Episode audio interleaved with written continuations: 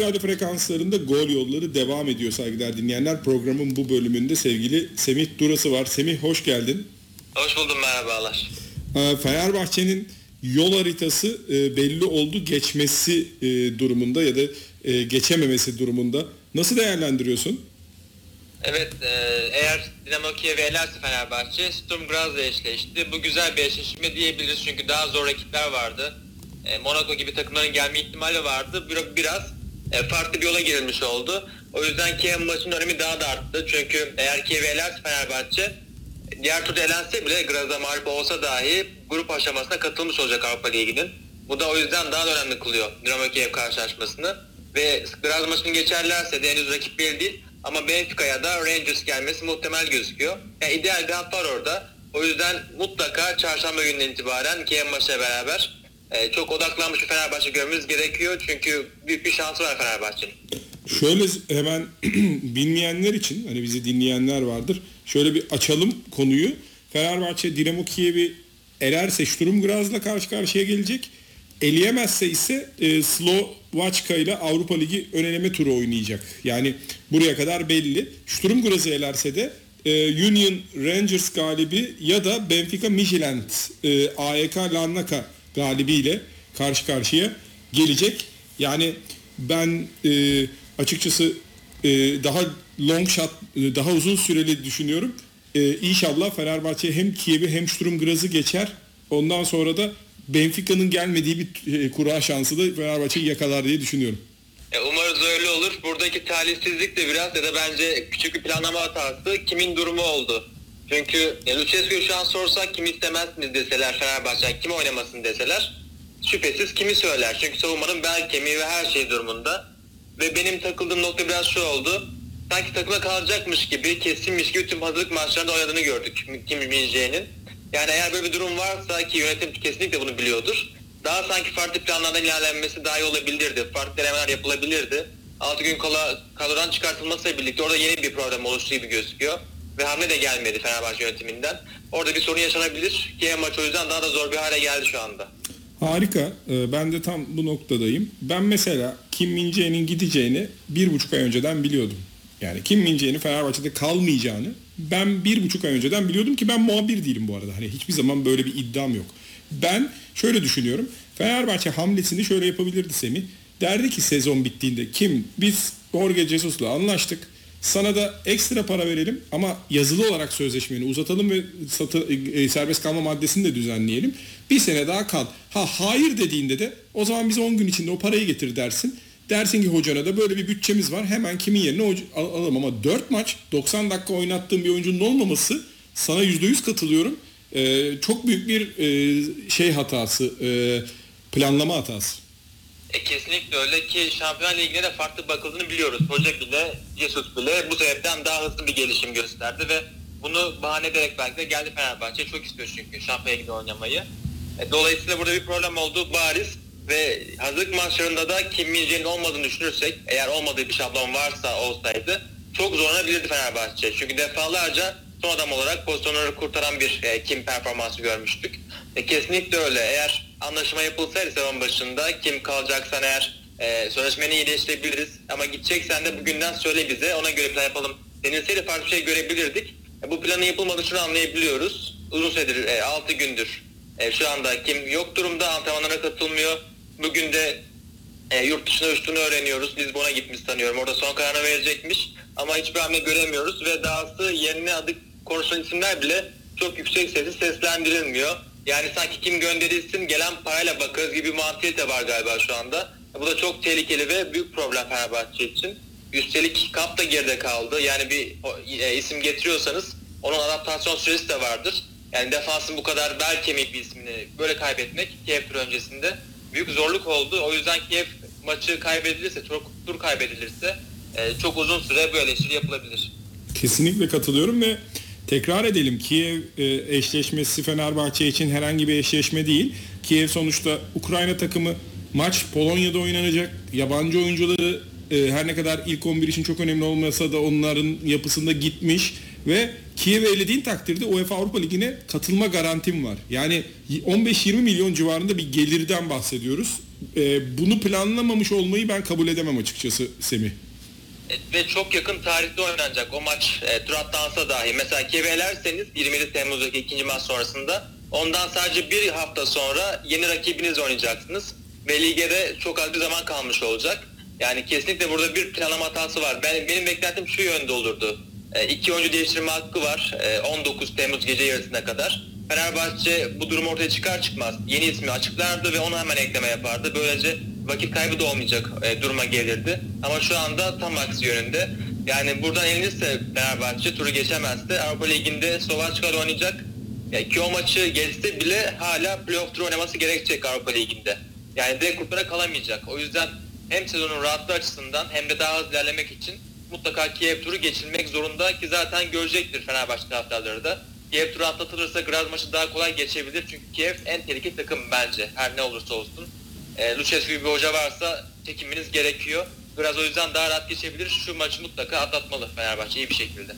Sana %100 e, katılıyorum. Bunun dışında da Joao Pedro'nun da açıklanması da bekleniyor. Yani bayağı ciddi yol aldığından bahsediliyor Fenerbahçe'nin.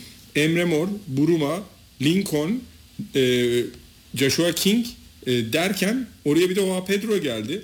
Nasıl görüyorsun bu değişimi? Evet e, daha bir e, kaliteli ayaklar geldiğini söyleyebiliriz ön alana ama orada bir de geçen seneden özellikle peak yapmış bir e, kadro da vardı. Ne düşünüyorsun bu konuda? Evet kalite arttı ama çok değişen bir yapı oldu Fenerbahçe'de. Yani şunu anlayabiliyoruz. Jesus nokta transfer, nokta santrfor istemiyor. Nokta hamle istemiyor.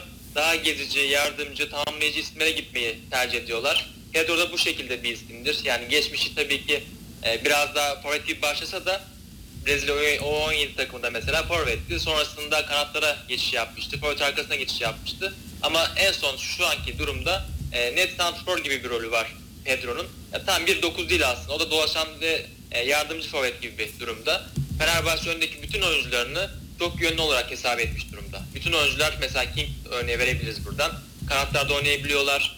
E, forvette oynayabiliyorlar. Orta sahanın ofansif kısmında oynayabiliyorlar. Bütün hamleler bu yönde yapılıyor. Yani maç içerisinde sürekli hamle değiştiren, yer değiştiren, yerinde sabit durmayan bir yapı kurulmaya çalışılıyor. King'e bu benziyor gibi bir hal var şu anda. Çünkü King de çok hareketli bir isimdir, arayan isimdir.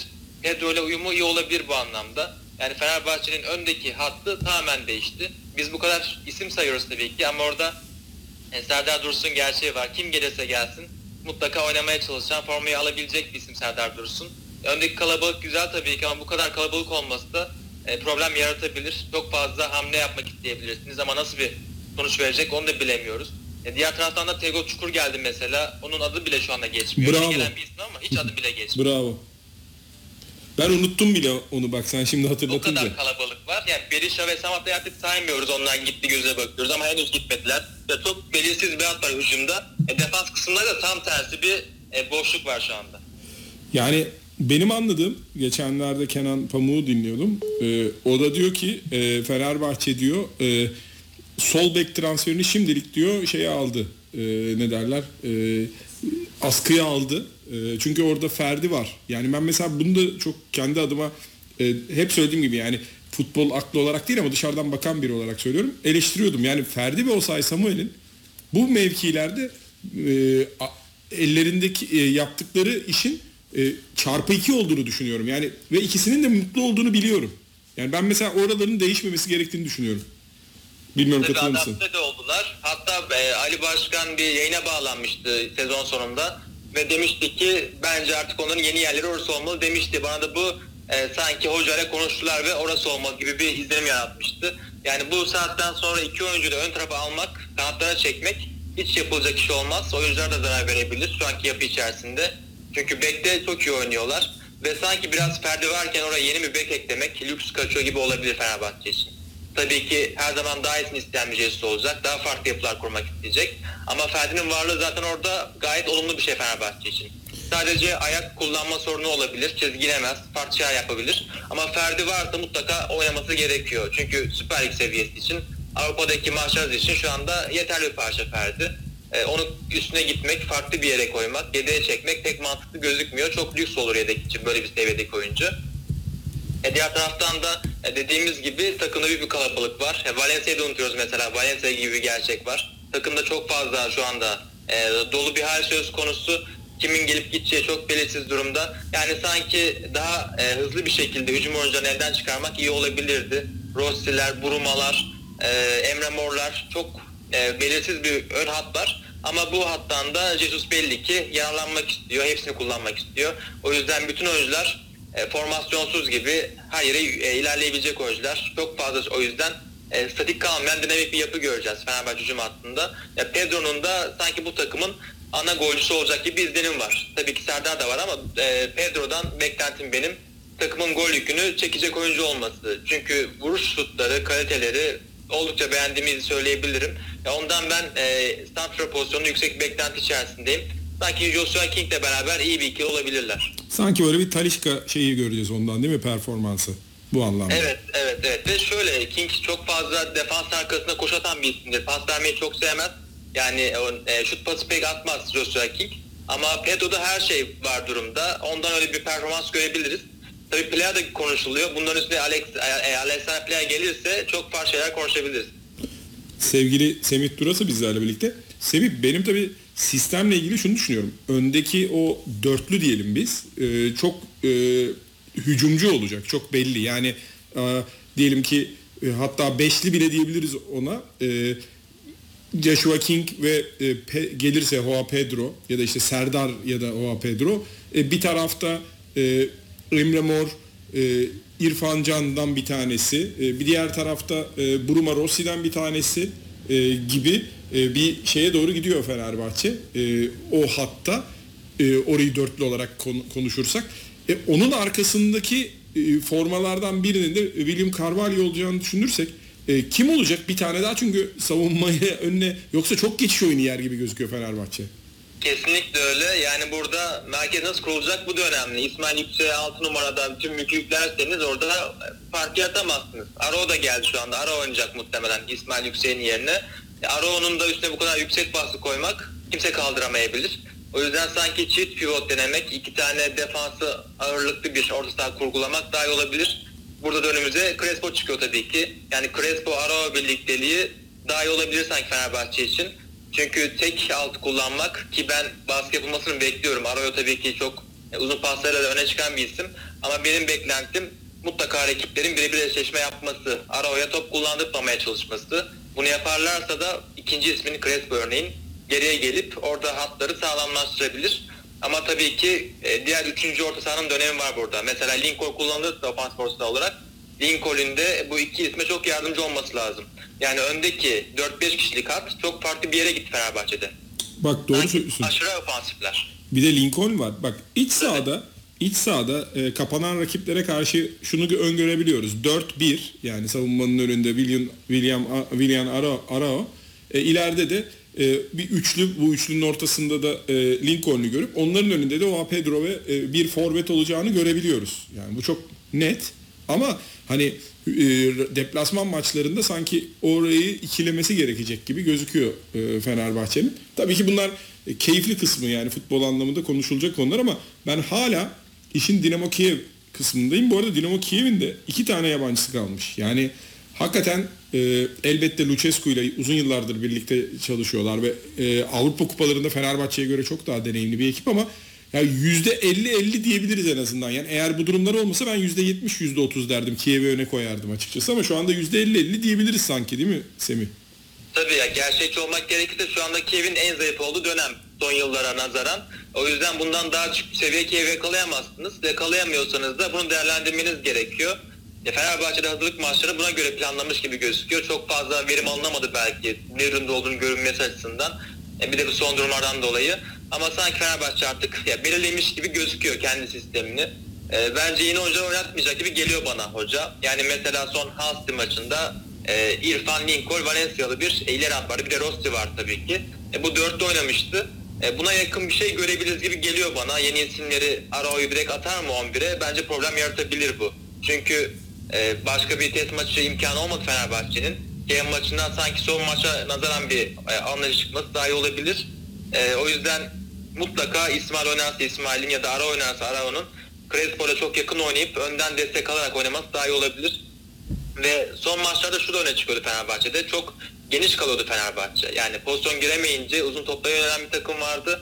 Bu da seken topların toplanmaya çalışılmasını getiriyordu Fenerbahçe'ye. Ama bunu yaparken de defans çok geride kalıyordu. Ya benim endişem biraz bu yönde olacak. Defans geride kalırsa ilerideki hücum hattı önde kalacak. Bu da sanki büyük alanlar yaratabilir rakip takıma ve kontralardan da şans bulabilirler gibi geliyor bana. O yüzden ofanstan ziyade sanki çok dengeli oynayıp turu İstanbul'a bırakmak, gol görmemeyi planlamak daha mantıklı gelebilir. Ben hemen kafamdaki 11'i sana söyleyeyim. William Ara- Arayo yanına Crespo, önlerine Zayt, sağ tarafa Mert Hakan, sol tarafa e, Rossi, e, önüne de e, Serdar Dursun ya da Joshua King'i koymakta fayda var gibi geliyor bana. E, çok güzel 11. E, Serdar'ı oynatmak daha doğru olabilir Valencia yerine. E, ben de ona katılıyorum. Mert Hakan belki oynamayabilir diye düşünüyorum ama defansif desteği en iyi oyuncu şu anda o hat içerisinde. İrfan'ın da durumu ortadayken Mert'i kullanmak çok daha mantıklı sağ kanatta. E, o yüzden 0-0'a göre çıkmak daha iyi olabilir. E, ki güzel deplasman maçları da vardır Jesus. Mesela bir Barcelona maçı vardır. Benfica ile oynadı. Neredeyse galip geleceklerdi. Böyle güzel maçları da vardır Jesus'un. Avrupa'yı çok seven bir hocadır. O yüzden ondan da bir beklentim var. Farklı bir şey yapıp herkesi mest etmeye yönelik bir hamle de görebiliriz. Hem defans hem de ofansif değişik bir Fenerbahçe izleme imkanımız var bence. Fenerbahçe ile ilgili olarak son olarak şunu da sorayım. Mesela e, şeyle ilgili e, Altay'ın e, yedeğiyle ilgili Fenerbahçe'de hiç, hiç yaprak kımıldamıyor ve yani Kiev eşleşmesini tamam son gün bile olsa e, son 24 saat kala bile iki oyuncu değiştirebiliyorsun ama sen nasıl görüyorsun? Yani elbette kaleciler kolay sakatlanmaz. Elbette e, kalecilerin yedeklerini seçmek de bir sanat yani. Hani ben mesela şeyden yanayım. Tecrübeli, ligi, ligde Süper Lig'de oynamış bir e, yedek her zamandan yanayım ama e, bununla ilgili hiçbir hareket de yok. Bu konuda ne dersin? Kesinlikle öyle. Ben de mutlaka bir hamle gelmesini beklerdim oraya. İlk iki maçta Ertuğrul oynamıştı ama Ertuğrul'un da asla seviyesi alta yakın değil. Yani yedek kaleci olarak bile şüpheli bir isim Ertuğrul. O yüzden oraya mutlaka hamle gelmesi gerekiyordu. Ya bütün takımlar bunu yapıyorlar. En iyi az kalecilerini farklı bir yere koyuyorlar. Diğer ikinci isim ligi bilen, ligin içeriden olan bir isim oluyor genellikle. Üçüncü kalecilerde daha veteran tarzda futbolun sonundaki isimler oluyor. E, Türk futbolunda biraz bunu zorlama, e, zorlanıyoruz planlamakta ve gerçekleştirmekte. Uzun yıllardır aynı sorunu yaşıyor Fenerbahçe ve diğer büyük takımlar aslında. Galatasaray'da da bu durum vardı. E, kiralama probleminden dolayı Musa sakatlandıktan sonra büyük sorun yaşadılar. Altay sakatlandı Fenerbahçe şampiyonluk yolunda ağır darbe almıştı. E, bir türlü o ikinci kaleciyi hem hazır tutmada başarılı olamıyoruz hem de e, yönlendirmede başarılı olamıyoruz. O yüzden Altay şu anda olmazsa olmaz durumda. Yani Fenerbahçe'nin en büyük değerli iki ismi kimdi ana kadrosunda? Bir Kim Min-jae vardı bir de Altay'dı. Bu iki isimden biri gitti. Biri sakatlanırsa bir anda takım %50 değer kaybetmiş olacak. Potansiyelini kaybetmiş olacak. Altay'a bu kadar güvenmek tabii ki çok güzel. Ama Altay'a güvenirken de onu mutlaka hem yukarı çekecek bir isim gerekiyor hem de sakatlı anlarda ikinci isim gerekiyor. Ya bunu Fenerbahçe bir türlü bulamadı. Bu kadar zamana kalması da büyük problem gibi gözüküyor. Yani hala çözülememiş olması lig başlayacak neredeyse. Büyük problem bence çözülecek gibi de durmuyor. Sanki son zamanlarda bir kiralama yapılabilir, farklı bir şeye gidilebilir gibi bir hal var şu an. Son olarak da şunu sorayım. Ben mesela bir basın toplantısı beklerdim. Yani en azından şeylerle, muhabirlerle bir sohbet. Vitor Per- e, pardon Jorge Jesus ne diyor diye. Yani ben bu konuda da iletişimde de hala Fenerbahçe'nin çok kötü olduğunu düşünüyorum. Evet hala öyle bir durum var. Ya mesela son günlerde çok e, ciddi transfer haberleri çıkıyor ve hiçbir şekilde yalanlama da gelmiyor. İletişimi artık farklı yapacağız demişti başkan sezon sonunda. Ama yine bir değişim göremiyoruz. Yani Jesus geldiğinde tabii ki ilk günler bir iletişim yapıldı ama devamı getirilemedi. E, o günden beri de bir olumlu anlamda e, bir şey göremiyoruz Fenerbahçe'de. E, bir de kötü sonuçlar gelirse lig başladıktan sonra daha da kapalı bir hale gelebilir Fenerbahçe. Yani 4 yıldır en büyük sorun buyken belki de bunu ısrar devam ettirmek, çözüm üretememek büyük bir e, anlaşılmaz durum çıkartıyor ortaya. E, o yüzden pek bir faydası yok bunu Fenerbahçe. Ne zaman anlayacak başkan ve yöneticiler e, pek e, olumlu gözükmüyor yolda. Çok teşekkür ederim Semih kırmadığın ve vakit ayırdığın için. Ben teşekkür ederim. Yayınlar dilerim.